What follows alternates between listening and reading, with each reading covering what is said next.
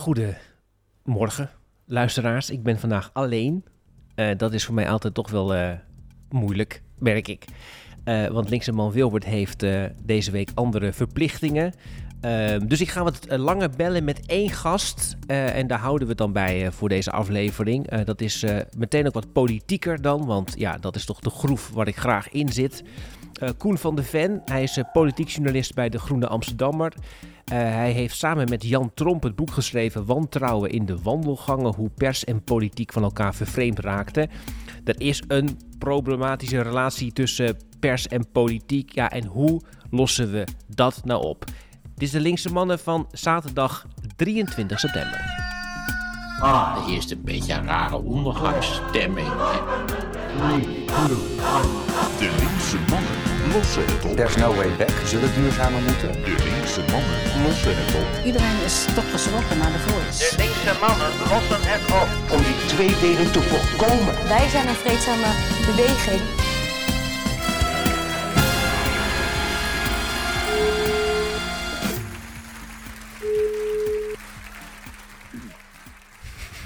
Goedemorgen, Koen. Hallo, goedemorgen. Hallo. Uh, jij bent lekker uh, aan het tikken voor de algemene politieke beschouwingen? Of over ja, de... Dat, ja, ja, ja. Dat klopt. Ja. Is, wat is nou de teneur eigenlijk? Om daar even over te beginnen.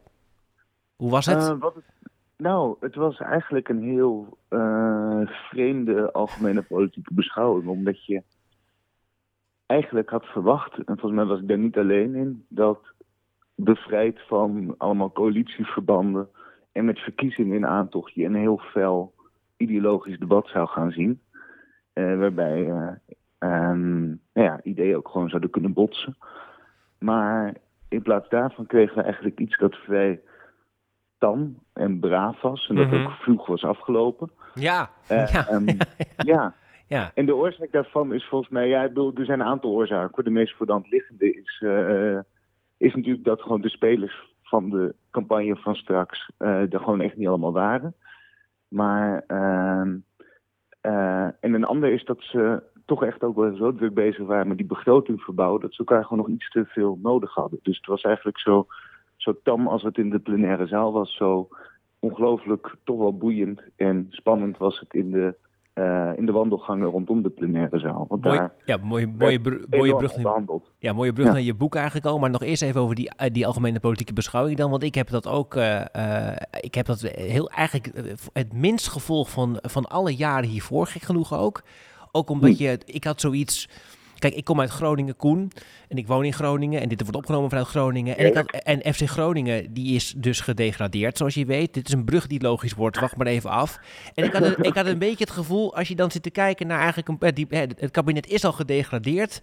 En alsnog moet je naar een wedstrijd van ze gaan zitten kijken of zo. Van ja, het doet er niet meer toe. Dat gevoel had, nee, ik, dat had ik een beetje. Dat klopt wel. Iedereen was, nou, sterker nog, om, de, om jouw metafoor uh, dan maar te pakken. Het was alsof inderdaad wel iedereen toch naar de wedstrijd was gekomen, maar niemand inderdaad meer naar, ernaar keek. Want inderdaad, Mark Rutte die zat daar en die was uh, blijmoedig als altijd, maar niemand was eigenlijk meer met hem bezig. Ze waren Nee. gewoon enorm met elkaar bezig en inderdaad met, uh, ja, met al die onderhandelingen. Uh, En ook wel voor die constru- paar miljard nog. Ja, ook wel constructief. Want ik, vond, ik vind eigenlijk wel, als je dan, als je dan leest wat ze dan eh, eruit krijgen nu. eh, even los hè, van de, van de Ja. zogenaamde dekkingen. Waar dan Mark Rutte zich nog weer gisteravond ook weer heel veel zorgen over maakte. Ja, dit kunnen ze allemaal wel willen en zo. Maar ik ontraad het ten zeerste. En er moet nog weer dekking voor gevonden worden. Maar je zou zeggen, voor de burger is dit uiteindelijk goed nieuws. Nou, oh, zeker, zeker. Wat je eigenlijk ziet is een enorme verschuiving van eh, ehm, bedrijfsleven naar inderdaad de Ja. burger, naar huishoudens. Want het wordt allemaal gedekt, volgens mij, nou, bijna zonder uitzondering, door inderdaad lasten bij bedrijven te verzwaren, door daar Altijd goed. extra te gaan heffen. Ja, Eh, dus nee, goed, ik bedoel, gezien de naam van je podcast, bedoel, daar, daar, zal je daar zal je blij mee zijn. zeker. Ehm, ja, en wat ik ook een boeiende vind, dat vond ik ook heel mooi om te zien. Kijk, dat vind ik ook zo typisch aan de Nederlandse politiek. Weet je wel, dat is ook echt. eh, er is onnoemelijk veel te kiezen. Eh, een stuk of twintig partijen. En dan gaan ze allemaal hetzelfde praten. Dat vind ik altijd fascinerend. Dus iedereen heeft het over bestaanszekerheid. ja, ja, ja, maar de ja, echte ja. strijd die je dan ziet is bestaanszekerheid voor wie? Ja, Dus dan zie je dat de liberalen voor de middenklasse Ja, en dan ja. links en de, de ChristenUnie voor de minimaal, of laat het gewoon onderklasse noemen. En Joost Eertmans komt dan op een gegeven moment naar voren en vraagt, Zeg, denkt ook nog iemand aan een reparatie voor de bovenklas. dat, is mooi. dat is echt. Ja, bestaanszekerheid Ja, ja. voor wie? Nou ja, daar moesten ze nog wel even uitkomen op die gangen. Van. Haga, bestaanszekerheid voor huisjesmelkers. Ja, nee, ja, Ja. precies. Ja, ja, ja, ja nee, die is trouwens een paar keer enorm aangepakt ook daarop. Ik geloof geen stapte die naar voren en toen zei Jan Paternotte... U komt hier een deeltje sluiten voor 47 pandjes. Dus moest iedereen enorm lachen. Ja, ja, Ja. ja, ja. Ja, dat is, wel, dat is ook wel heel knap. Want ik weet niet, die, die, uiteindelijk kunnen we nu zeggen dat die term bestaanszekerheid toch wel echt wel uit de koken van om zich komt. Of geven we hem daarmee te veel krediet? Eh, nou, ik vind het een hele goede vraag. Kijk, ik zou zeggen, het is eigenlijk een term. eh, die ik misschien ook wel heel erg verwant. Ik bedoel, christendemocraten hebben er zeker ook patent op. Maar ook zeker de sociaaldemocraten. Uiteraard, Lodewijk Asscher wilde. Ehm zeggen wij het maar vanaf 2017 heeft hij vol ingezet op die term zekerheid. Hij heeft het nooit mogen oogsten. Maar wat Pieter Omtzigt eigenlijk heeft gedaan, is dat hij de term heeft, nou, ik zeg maar even bevrijd van links en hem die middenstreep over heeft getrokken. Waardoor je nu eigenlijk ziet dat van links tot rechts Ja, de over bestaanszekerheid wordt getrokken. En dat is, ik bedoel, als je dat een mooi thema vindt, is dat natuurlijk op zichzelf goed nieuws. Maar ik denk dat je moet wel moet constateren dat de PvdA daar ook al lang mee bezig was, maar dat omzicht een mainstream heeft gemaakt. ja bestaanszekerheid is weer, is weer mainstream geworden onder omzicht. Prachtig. En ehm, ehm, ja, maar kijk, en dat is dan wat ik wel positief vind. Ik bedoel, eh, los van het feit dat, dat je inderdaad kan afvragen of je niet, of niet af en toe een beetje kolderiek wordt als je Sophie Hermans hoort oreren over bestaanszekerheid voor ja, de, de, de middenklasse of net boven de middenklasse. Niet onbelangrijk voor de goede orde. En als dan Joost Eermans er nog eens overheen komt met bestaanszekerheid voor de bovenklasse, dan, dan gaat het eigenlijk helemaal nergens over natuurlijk. Maar op zich is het natuurlijk wel een, het positief natuurlijk dat eigenlijk dat verkiezingsthema dus nu al zo belangrijk is tijdens deze algemene politieke beschouwing. En dus nu ook al godzijdank wordt meegenomen in de financiële pakketten voor 2024. Eh, nou, zeker. Het, het is een ontzettend belangrijk thema geworden. En je merkt ook dat dat. Eh, nee, je, je- je begon al met. Ik was inderdaad deze ochtend vroeg opgestaan. Doe ik altijd op de vrijdag naar de APB. Echt om te gaan tikken. En als ik iets interessants vind om te zien, is dat je ook ziet dat de, juist de liberale partijen. die bij de vorige Tweede Kamerverkiezingen enorm wonnen. Hè, VVD en D66. We hadden toen. Werk bij de Groene Amsterdam hadden op de cover staan de zegen van het vrolijk liberalisme. Ehm je ziet dat zij eigenlijk best wel worstelen, want ze worden nu geconfronteerd met twee thema's. Bestaanszekerheid en gemeenschapszin, die beide hen niet van nature toevallen. Nee. Ik bedoel, gemeenschapszin is echt christendemocratisch. Bestaanszekerheid is sociaal-democratisch en zou je ook zeker mooi kunnen onderbrengen bij christendemocraten. Dus je ziet ook bij hen de worsteling van kunnen we die term nog op een bepaalde manier toe-eigenen, dat die ook voor ons gaat werken. Ja. Goed, ehm, eh, tot zover de algemene politieke beschouwingen in de Linkse Mannen podcast. Daarover denk ik heel veel andere podcasts die je ook kunt gaan beluisteren deze dagen en dit weekend en weet ik van wat allemaal wel niet meer. Eh, je boek, eh, Koen, daar bellen we over. Ehm, eh, die je hebt geschreven met, met Jan Tromp, Wantrouwen in de wandelgangen. Ehm, gaat over de relatie tussen pers en politiek, om het even plat te slaan. Ehm, eh, hoe is die relatie? Jij bent zelf politiek verslaggever of politiek journalist zelfs. Hoe is die relatie tussen pers en politiek op dit moment? Nou, het, het- ja, het geestige vind ik dat altijd als je dat aan de buitenwereld vraagt, of zelfs aan mijn collega's. Kijk, ik ben de enige van mijn redactie die daar rondloopt. Mhm. En zelfs ik leg altijd de grappen toen daarheen ging van, oh, het is toch allemaal klef daar en ga je, Mhm. weer lekker, eh, ga je daar weer lekker lopen slijmen en slangen. Eh, maar de, de waarheid is, oh ja, en, en dat viel me ook op, er zijn, ook, er zijn meer boeken geschreven over pers en politiek. Zeker. Ik ben in hebben niks nieuws gedaan. En wat ik daar altijd opvallend in vond, is dat er zit altijd een. eh, die boeken gaan eigenlijk allemaal over klefheid. Ja. Een soort vermeende. Ja, ja, i- over iets viezigs. En nou ja, ik bedoel, ik loop er nu twee jaar rond. Ik loop er heel veel rond. Mhm.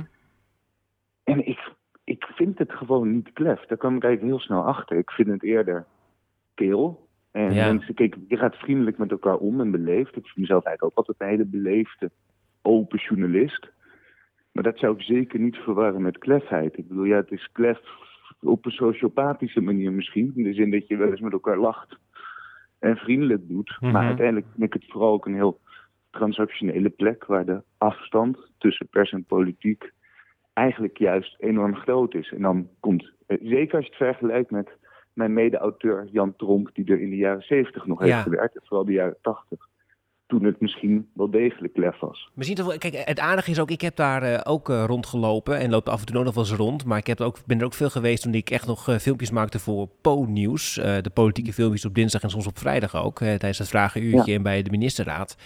En ik, ik vond ook, ik, ja, inderdaad, het is dat killen wat jij omschrijft. Dat is zeker nu, en dat is misschien ook goed voor de luisteraar die geen idee heeft hoe die sfeer misschien daar is.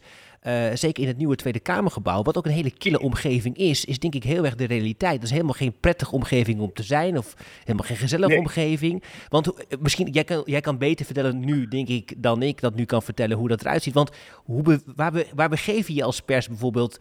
Uh, waar kijken we naar als we nu naar Nieuwsuur kijken, waar die pers zich begeeft? Wat voor ruimte is dat eigenlijk?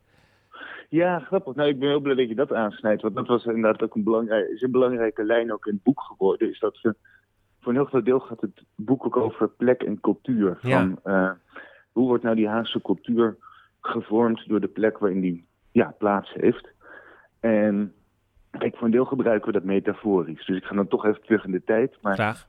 Jan, die werkte echt aan een binnenhof dat nog echt een hof was. Inclusief gangetjes, trappetjes, een toch echt veel romantischere vergaderzaal, maar ook uh, met rooksalons, uh, met, uh, met een bar die, waar je vanaf tien uur s ochtends terecht kon.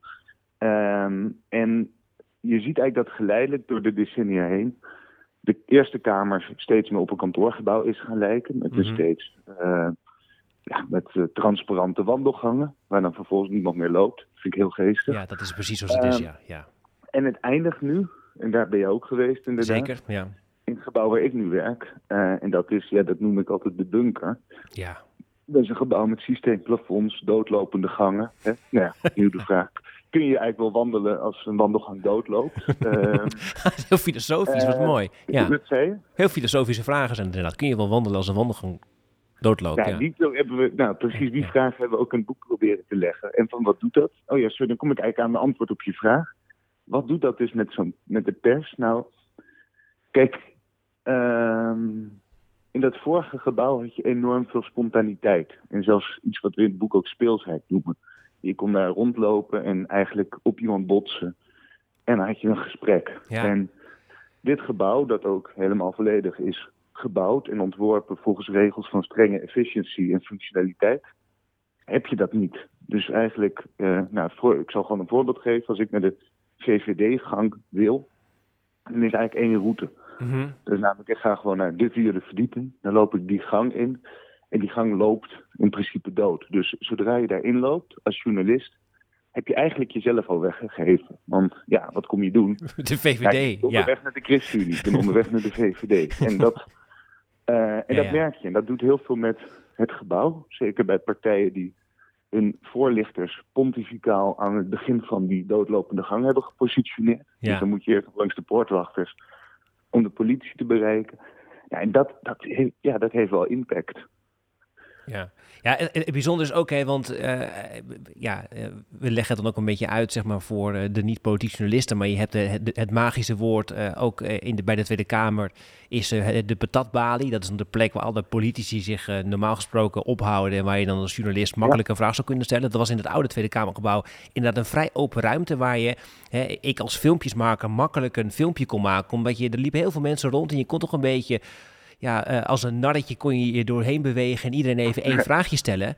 Maar nu in die nieuwe ruimte, zeg, en dat is eigenlijk heel fijn, hè, want dan, kun je, dan, dan krijg je toch wat spontanere ontmoetingen en dan krijg je misschien, een, een, een, dan, niet dat het dan klef wordt of, geze of gezellig wordt, maar dan wordt in ieder geval wordt het wat echter voor je gevoel.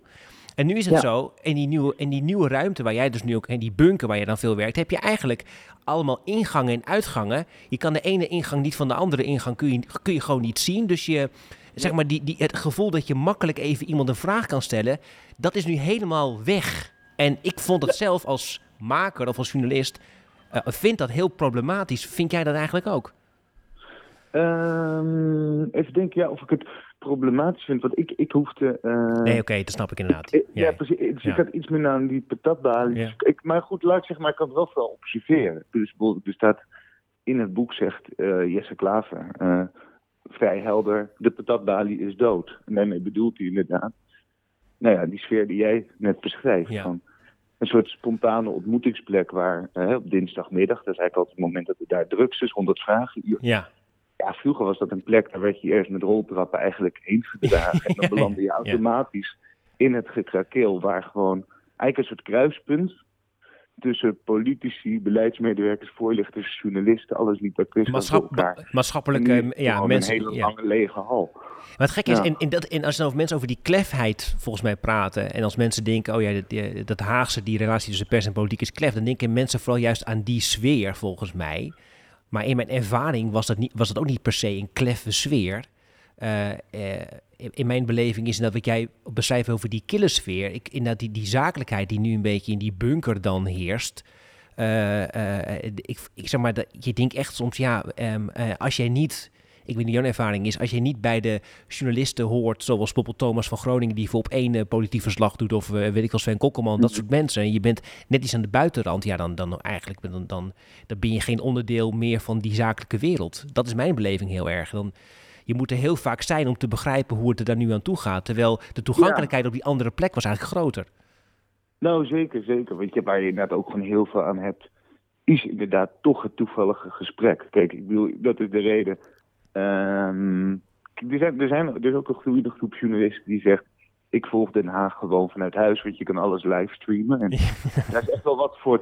Ja, er Ja. er is iets voor te zeggen, maar dat is niet helemaal mijn school. Want ik denk, ja... eh, nou, ik merk het nu bij deze algemene politieke beschouwing inderdaad. Ja, we constateren eigenlijk grappig genoeg en ik ben normaal heel erg geïnteresseerd in echt ook het officiële gedeelte van het debat. Maar daar gebeurde het dit keer niet enorm.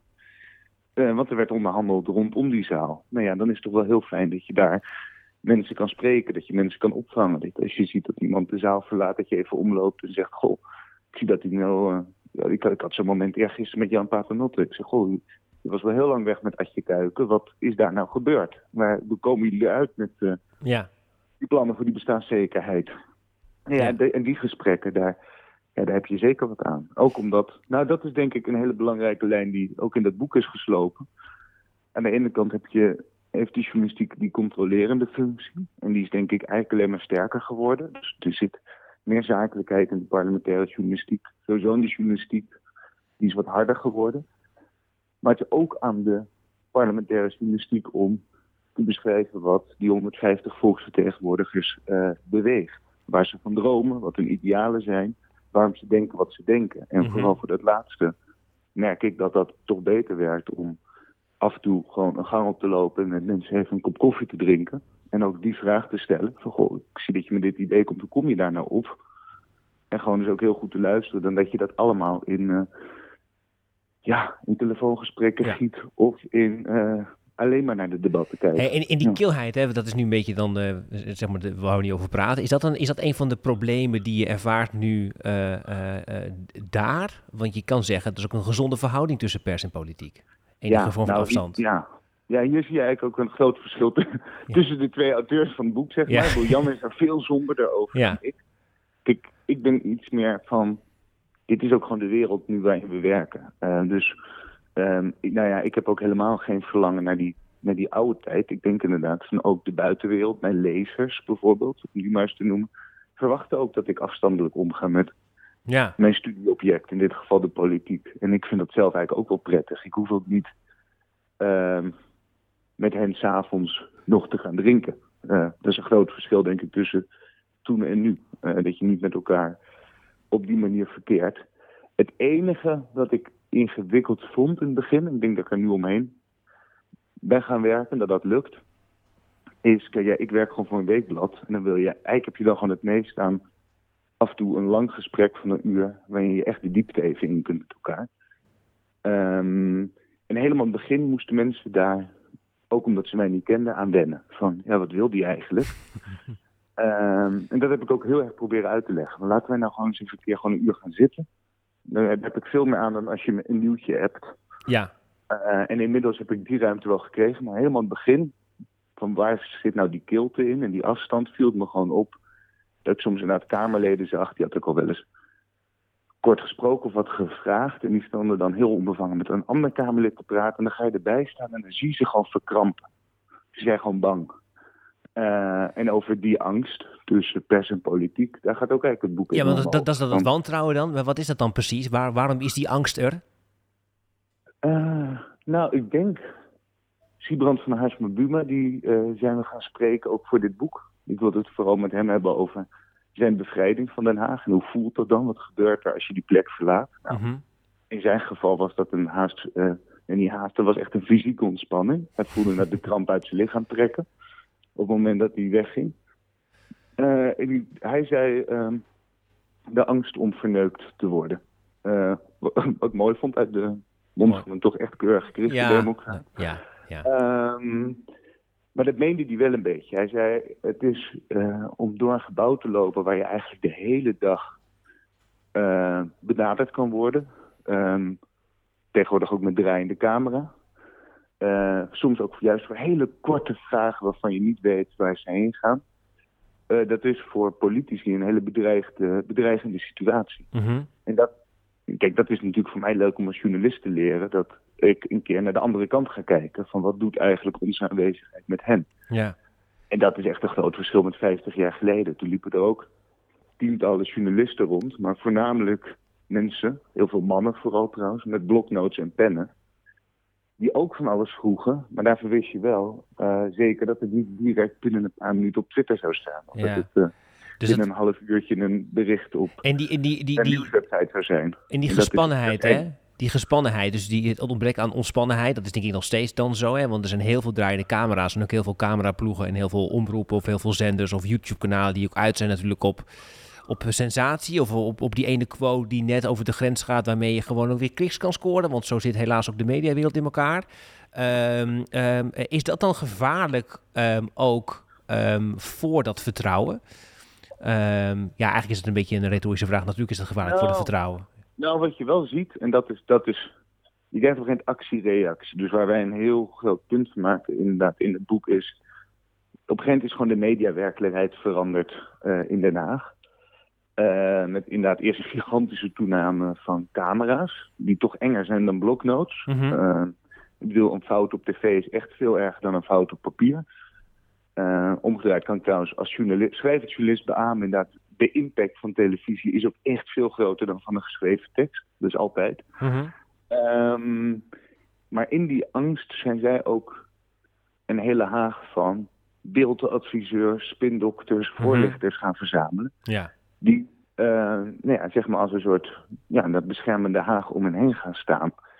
Ehm, daar wordt de journalistiek juist ook weer heel chagrijnig van. Die Ja. denken, ja, als jij een heel groot, als jij een heel panzer aantrekt, dan ga ik nog harder op je slaan. Dan door de panzer heen slaan.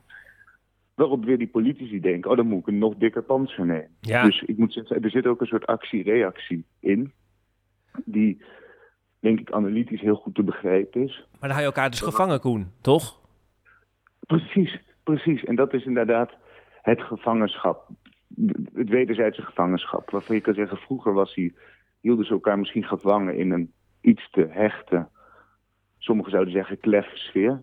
En nu houden ze elkaar meer vast, denk ik, in zo'n sfeer van wantrouwen en eh, heen en weer En dan denk eh, ik. Ja. en, en dan kun je ook denken, zeg maar, als je dit nu hoort en je bent eh, gewoon misschien wat minder politiek geïnteresseerd, denk je, ja, nou en, denk je, eh, eh, dat is jullie werkwijze, jullie, jullie problemen op jullie werkvloer, zoek het lekker met elkaar uit. Maar is er ook nog een, een, een da- daadwerkelijk gevaar voor democratische besluitvorming, dat jullie zo met elkaar omgaan op dit moment? Ehm, nou, dat vind, dat vind ik wel een mooie vraag. Nou, nou, aan de ene kant zit het. Het heeft plussen en minnen, denk ik. En de plus is inderdaad wel dat ik echt vind dat de beroepsgroep, de journalistieke beroepsgroep, echt veel professioneler, controlerender, strenger is geworden. Dat vind ik echt, dat vind ik echt goed. Mhm. Eh, ik bedoel, kijk even hoe echt op dagelijkse basis, op televisie, in radioshows, in kranten, er wordt onthuld gecontroleerd. Dat is echt anders. Mhm. Het enige is wel, kijk, we kunnen het hebben over eh, zij in Den Haag en die politici. En dat zijn ook onze volksvertegenwoordigers. Dus Ja. er zitten ook allemaal mensen die er namens jou mij zitten. Dus ik weet niet wat jouw opvatting daarover is, maar ik ben ook een journalist, ik zeg nooit wat.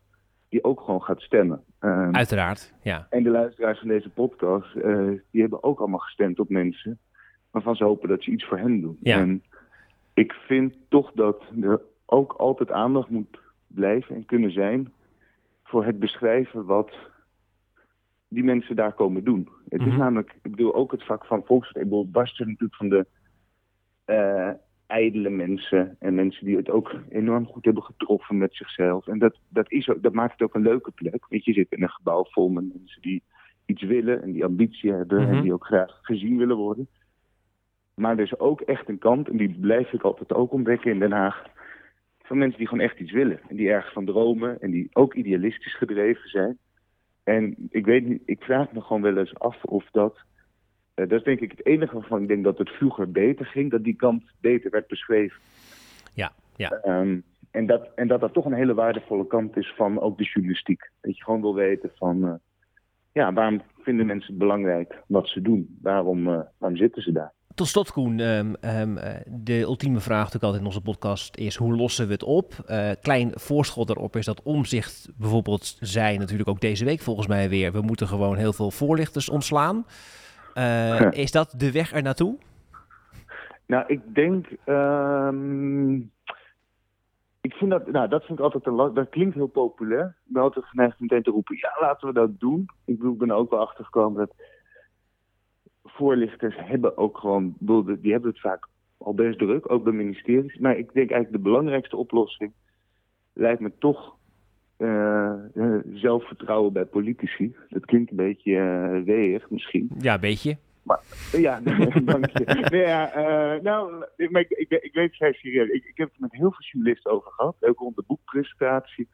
En je ziet eigenlijk dat wat journalisten, het moment dat journalisten echt hun respect verliezen voor een volksvertegenwoordiger, is het moment dat die volksvertegenwoordiger niet gewoon normaal antwoord geeft op vragen. Dus het fenomeen waarbij je een Kamerlid appt en zegt, goh, eh, mag ik wat vragen of kan ik even langslopen? Ja, En dat je geen antwoord krijgt, maar dat de voorlichter je belt en zegt: Goh, begreep dat je een vraag had. Dan worden mensen eigenlijk journalisten, en ik vind eigenlijk terecht, echt een beetje link. Van: ja, Hallo, jij bent mans genoeg om, om wel eerst een kiezersmandaat. Ja, ja, ja, ja. Dan komt er vervolgens, ik vind namelijk eigenlijk dat je als journalist, journalist ook een publieke taak hebt. Ik bedoel, ik ben er ook gewoon namens burgers. ja. Kom ik je een vraag stellen en dan krijg ik te maken met iemand die niet democratisch is verkozen. Ja. Namelijk een voorlichter. En Goed punt. Ja. ja, dat is. ehm, en je merkt juist dat de Kamerleden die daar niet in meegaan, die gewoon zelfstandig je terug appen, of die soms zeggen tegen mij, ze mogen van mij ik maar zeggen, ook ik vind dat een slechte vraag, of je bent niet met je vraagstellingen eens. Ik bedoel, ga gewoon volwassen met ons om. Ja, ja. En dan hoop ik dat mijn beroepsgroep volwassen terug doet. Kijk, en voor die paar lieden die dat niet doen, ja, god, ja, daar hoef je dan ook misschien niet mee in gesprek. Nee. Er is gewoon een heel groot deel van de journalistiek dat daar serieus rondloopt. Met serieuze vragen heeft. En eh, eh, ja, punt. Goed, tot hier. Koen, eh, succes met het tikken van, van het stuk over de APB. Dat kunnen we ongetwijfeld lezen in de Groene Amsterdammer, denk ik. Of online dit weekend. Vandaag zeker. zelfs al. Gaat, Ja, eh, Als het goed. goed is morgen, eh, vanmiddag of morgen online. Dus Ja. het is nu vrijdag en eh, volgende week gewoon bij mensen op de mat. Uitstekend, dankjewel. En anders lees dit boek, Koen. Tot ziens. Dankjewel, Bram. De Hoi. linkse mannen lossen het op. Ehm eh, Wilbert van der Kamp is er dan wel niet, maar eh, Henk, Henk Kamp is er gelukkig wel. En ja, heeft over eh, een van de ja, nieuwe gezichten in Den Haag toch weer wat opgerakeld. Welkom bij Kamp Stews. Mijn naam is Henk Kamp en in aanloop naar de verkiezingen zal ik u relevante informatie meegeven die de reguliere media om hun moverende redenen niets meegeven. Deze keer kom ik met een bijzondere observatie aangaande de heer Bontenbal van het CDA. Misschien is u al opgevallen, de heer Bontenbal heeft niet alleen een beetje een aparte naam, hij heeft ook een heel aparte neus. Het is een ferme, puntige neus, maar als u goed kijkt is juist de, de punt van de neus enigszins afgevlakt. En daarmee heeft hij een beetje een stompe, puntige neus. Nou, u kunt zich daar van alles eh, bij voorstellen. Misschien steekt de heer Montenbal zijn neus in zaken hij wat is niet thuis hoort. Maar mijn idee hierbij is dat de heer Bontenbal misschien als kind iets te lang met zijn neus tegen alle andere etalagereuten heeft aangestaan om naar binnen te gluren bij plekken waar hij niet naar binnen mocht. En dan redeneer ik even door en dan denk ik, ja, de heer Bonsenbal is in Rotterdam opgegroeid. Een plek, zoals u weet, met een hoop rauwe randen en no-go areas. En dan denk ik, Goh, meneer Bonzenbal, heeft u misschien naar binnen gegluurd bij plekken die niet zo goed stroken met de normen en waarden van de christendemocratie? Heeft u misschien iets te veel naar binnen gegluurd bij sekswinkels? Tot zover zomaar even deze observatie aangaande de heer Bontenbal. Ik zou zeggen, dit was Kamps Juice. Tot een volgende keer. En onthoud, houd oren en ogen altijd open. Ja, uh, ja ik kan, kan niet anders zeggen dat het toch weer alweer een treffende observatie is van Henk Kamp. En dat het iets is waar we zeker op moeten gaan letten. Uh, dankjewel Henk. En uh, hou voor de linkse mannen je ogen en je oren open. Dit waren de linkse mannen, of in specifieke geval de linkse man. Uh, die het oplost. vergeet je niet te abonneren op deze podcast en onze website te bezoeken, delinksemanden.nl, met veel oplossingen voor veel meer problemen. Volgende week zijn we gewoon weer met ons tweeën. Tot dan, moedig voorwaarts.